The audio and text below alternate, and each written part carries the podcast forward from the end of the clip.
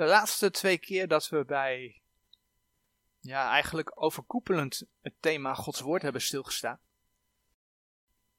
hebben we gezien, enerzijds waarom het van belang is om Gods Woord voorbereid te lezen. En anderzijds, de laatste keer hebben we gezien hoe we Gods Woord op een rechte manier kunnen toepassen. En dan willen we nu stilstaan bij het uitdragen van Gods Woord. En als we spreken over het uitdragen van Gods woord, ja, dan gaan we het hebben over getuigen.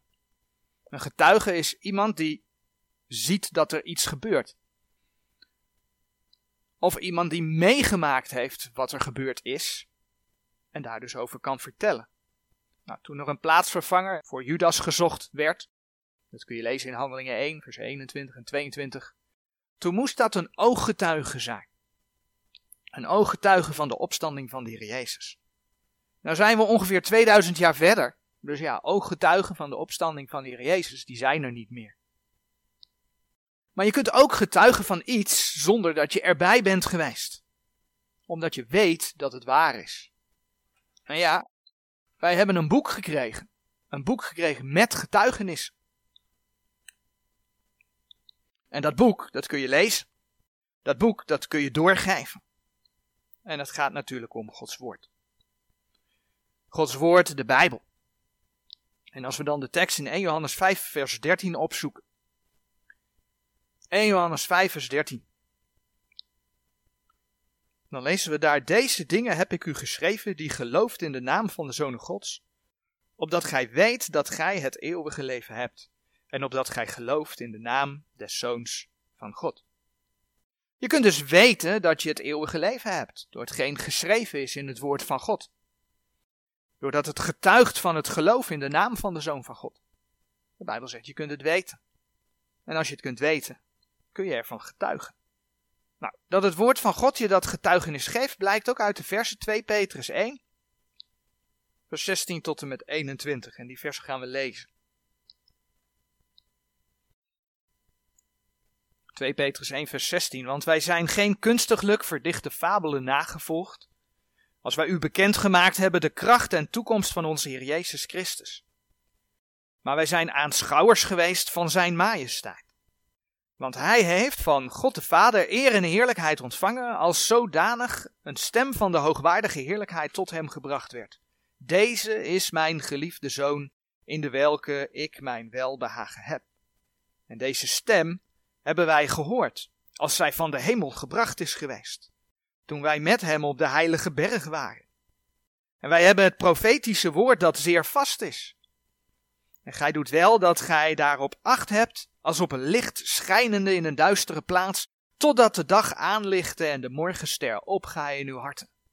Dit eerst wetende dat geen profetie der schrift is van eigen uitlegging. Want de profetie is voortijds niet voortgebracht door de wil eens mensen, maar de heilige mensen Gods, van de Heilige Geest gedreven zijnde, hebben ze gesproken. De apostelen waren ooggetuigen. Het getuigenis van Gods woord is uit de eerste hand. Het bestaat niet uit fabels, hebben we net gelezen. Het is niet bedacht door mensen, maar het is ja, Gods geest die het mensen ingegeven heeft.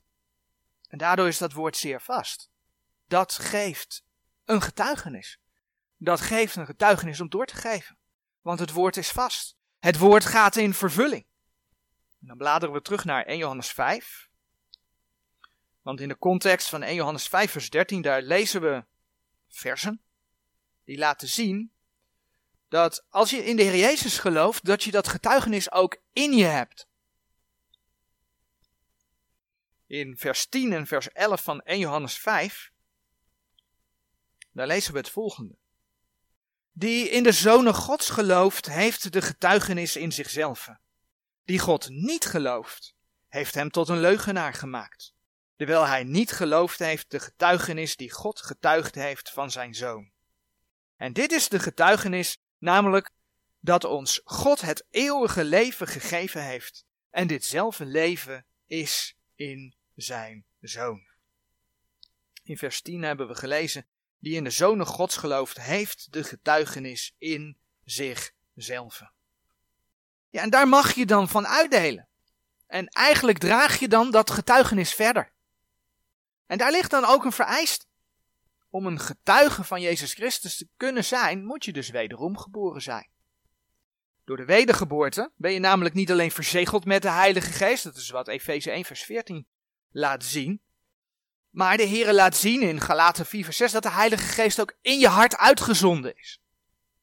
En het is de Heilige Geest die getuigt van de Heer Jezus. En Johannes 15 vers 26 zegt bijvoorbeeld, Johannes 15 vers 26, Maar wanneer de trooster zal gekomen zijn, die ik u zenden zal van de Vader, namelijk de geest der waarheid die van de Vader uitgaat, die zal van mij getuigen. Dus het is Gods geest die ervoor zorgt dat de gelovige de getuigenis in zichzelf heeft en kan doorgeven. En dan komt de vraag, waar ga je dan van getuigen? En dat is een hele belangrijke vraag. Ga je mensen bijvoorbeeld vertellen over Israël? Want daar spreekt de Bijbel toch over. Ga je mensen over de opname van de gemeente vertellen? Want daar spreekt de Bijbel toch over. Ga je mensen over de levenswandel van de gelovigen vertellen? Want daar spreekt de Bijbel toch over. Ga je mensen vertellen? Ga je ze zelf vertellen? Wat de Heer voor je gedaan heeft na je bekering. Misschien wel om te laten zien hoe goed de Heere God voor je gezorgd heeft. Het zijn allemaal dingen die mooi zijn. En natuurlijk mag je getuigen over Gods zorg voor je leven. Natuurlijk mag je bijvoorbeeld de tekenen der tijden en de opname van de gemeente gebruiken als een opening om in gesprek te gaan. Een ander voorbeeld, natuurlijk mag je de discussie schepping en evolutie gebruiken om een getuigenis te starten. Maar al die onderwerpen zijn niet de kern, niet de kern van het evangelie. Als iemand gehoord heeft hoe goed de Heere God voor jou gezorgd heeft, dan weet die persoon niet hoe hij de Heer Jezus moet leren kennen. Als iemand over de tekenen der tijden of de opname van de gemeente hoort, dan weet die persoon nog niet hoe hij tot geloof komt. Als iemand gaat zien dat de evolutieleer een valstrik is van de boze, dan weet hij nog niet hoe hij de Heer Jezus moet leren kennen. En daarom is het van belang om bij de uitleg van het evangelie het lijden, sterven en de opstanding van de Heer Jezus centraal te hebben. En daar moet je getuigenis over gaan. Want dat is wat mensen het eeuwige leven geeft. In eh, Romeinen 10, vers 9. In Romeinen 10, vers 9. Daar lezen we. Namelijk indien gij met uw mond zult beleiden de Heer Jezus en met uw hart geloven dat hem God uit de doden opgewekt heeft. Daar gaat het om. Zo zult gij zalig worden. Dat is de kern waardoor iemand tot geloof komt. En de rest, geloofswandel, opname van de gemeente, is eigenlijk voor groei voor daarna. Het begint hierbij. De kern van het evangelie. Dat is waar het om gaat. En dat blijkt ook als je ziet hoe de apostelen gaan verkondigen. Van de eerste gemeente lezen we in Handelingen 4, vers 33 het volgende. Handelingen 4, vers 33. En de apostelen gaven met grote kracht getuigenis van de opstanding des Heer Jezus. En er was grote genade over hen allen. En de apostelen gaven met grote kracht getuigenis van de opstanding des Heer Jezus. Dan bladeren we verder naar Handelingen 17. In dat gedeelte is Paulus in Thessalonica. En daar verkondigde Paulus onder andere vers 2 en 3. Handelingen 17, vers 2. En Paulus, gelijk hij gewoon was, ging tot hen in en drie sabbatten lang handelde hij met hen uit de schriften.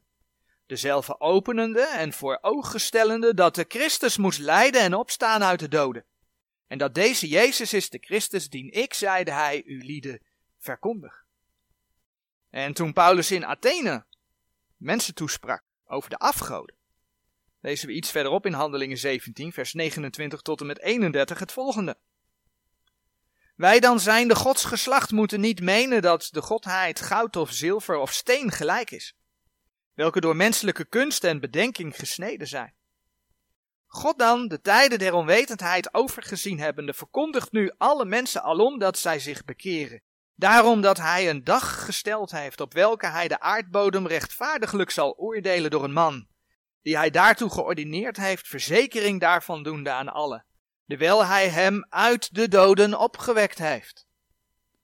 Hij begint bij de afgoden, dat gebruikt hij als aanleiding, en hij komt uit bij de opstanding van Jezus Christus. Paulus predikt over oordeel, de opstanding van de Heer Jezus en bekering.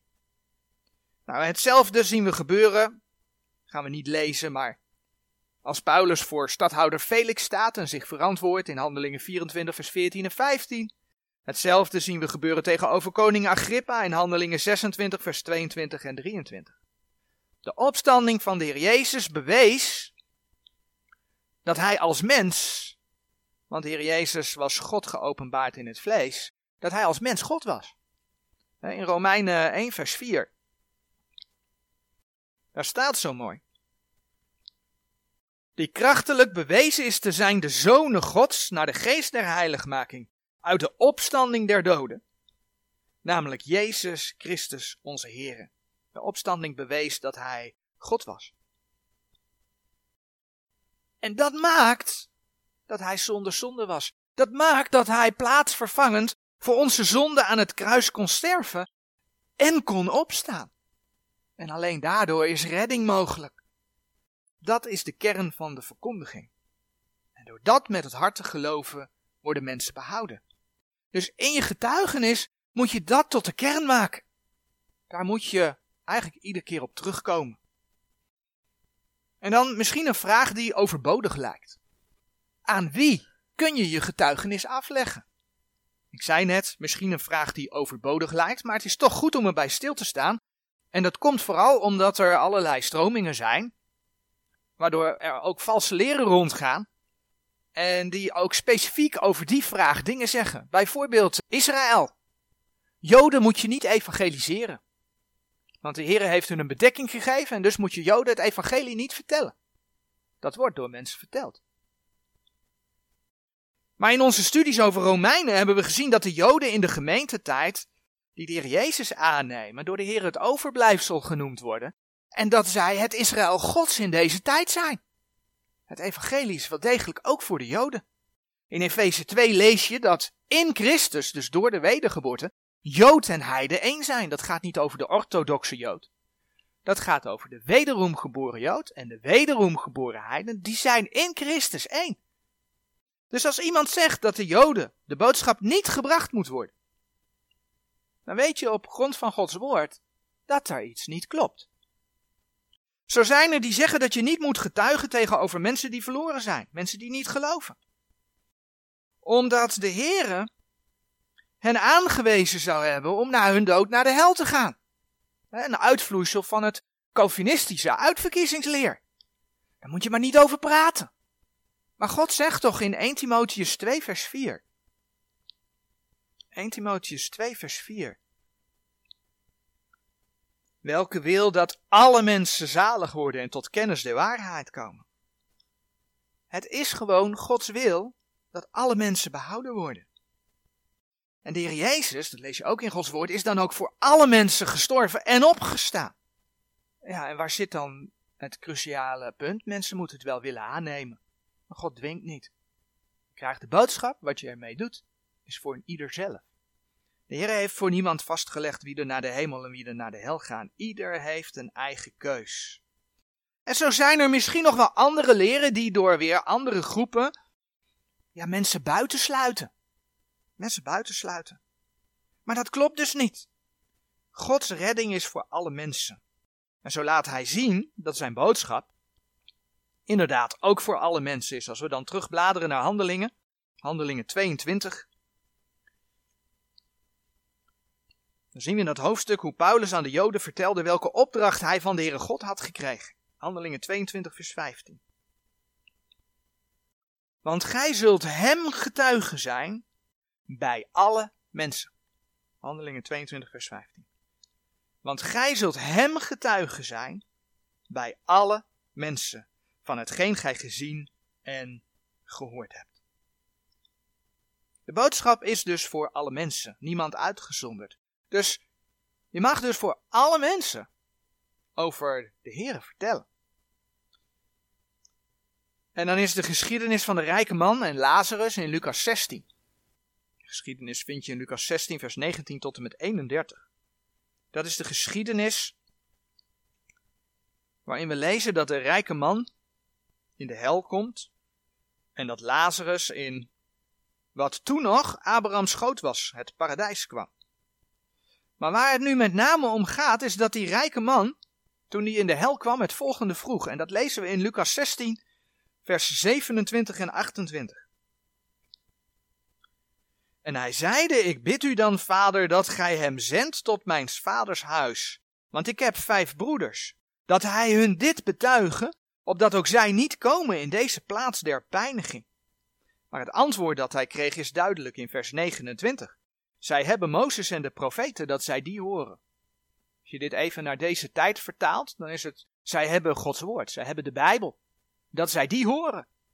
Dus als er dan een boekje verschijnt, dit gaat over de hel, maar net zo goed vanuit de hemel terug naar deze aarde, van een jongetje dat in de hemel is geweest, dan weet je dat er iets niet klopt. Want we hebben Gods woord, dat zij die horen. Want vers 31 gaat er nog even op verder. Indien zij Mozes en de profeten niet horen, indien zij Gods woord niet horen, zo zullen zij ook, al waren het dat er iemand uit de doden opstond, zich niet laten gezegd. Dus daar waar mensen gericht zijn op het wonderlijke, dan weet je, als mensen niet naar dit boek willen horen, zullen ze ook niet horen naar ja, zo'n boekje van een jongetje dat in de hemel is geweest. Nou, wij weten dus, aangezien God zegt dat hij die wegen eigenlijk niet geeft, dat het ook niet goed is om dat boekje te lezen. Want het is gewoon vals getuigenis. Duidelijker kan het niet. Wat je hieruit ziet is dat zolang mensen op aarde zijn, ze de kans krijgen om de Heer aan te nemen. Hebreeën 9 vers 27 zegt dat gelijk het de mensen gezet is eenmaal te sterven en daarna het oordeel. Je hebt gewoon één keer de kans, dat is hier op aarde. Maar ze krijgen dus ook, zolang ze hier op aarde zijn, de kans om geliefden en anderen over de redding van de hel te vertellen. Daarna is die kans voorbij. Dus grijp je kans. En ja, als gelovige draagt dat ook bij aan hoe je zelf de eeuwigheid kunt doorbrengen. Als gelovige ben je behouden. Dat staat niet ter discussie. Maar de Bijbel spreekt wel over loon en kroon. En een van de kronen die de Heer uitdeelt, heeft te maken met het feit of je getuigd hebt, of je mensen tot de Heer hebt mogen leiden. En die tekst vinden we in 1 Thessalonicense 2 vers 19. 1 Thessalonicense 2 vers 19. Waar we geschreven vinden, want welke is onze hoop of blijdschap of kroon des roems? Zijt gij die ook niet voor ons, de Heer Jezus Christus, in zijn toekomst? Paulus zegt dit tegen de Thessalonicensen. Paulus heeft de Thessalonicensen tot de Here mogen leiden. En dat is hetgeen dat hem de kroon des roems geeft. Omdat Paulus de Thessalonicensen tot de Here heeft mogen leiden. Nou. Neem dat mee in je gebed. Bid de Heere om je te leren hoe je getuigen moet. Bid de Heere dat Hij het je op het hart legt om te getuigen. En bid de Heere om vrijmoedigheid om anderen te bereiken met het evangelie. Amen.